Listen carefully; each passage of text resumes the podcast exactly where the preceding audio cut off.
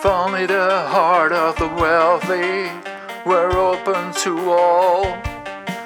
How great a fierce hard fortune tears up within them. Real good is simple, straightforward.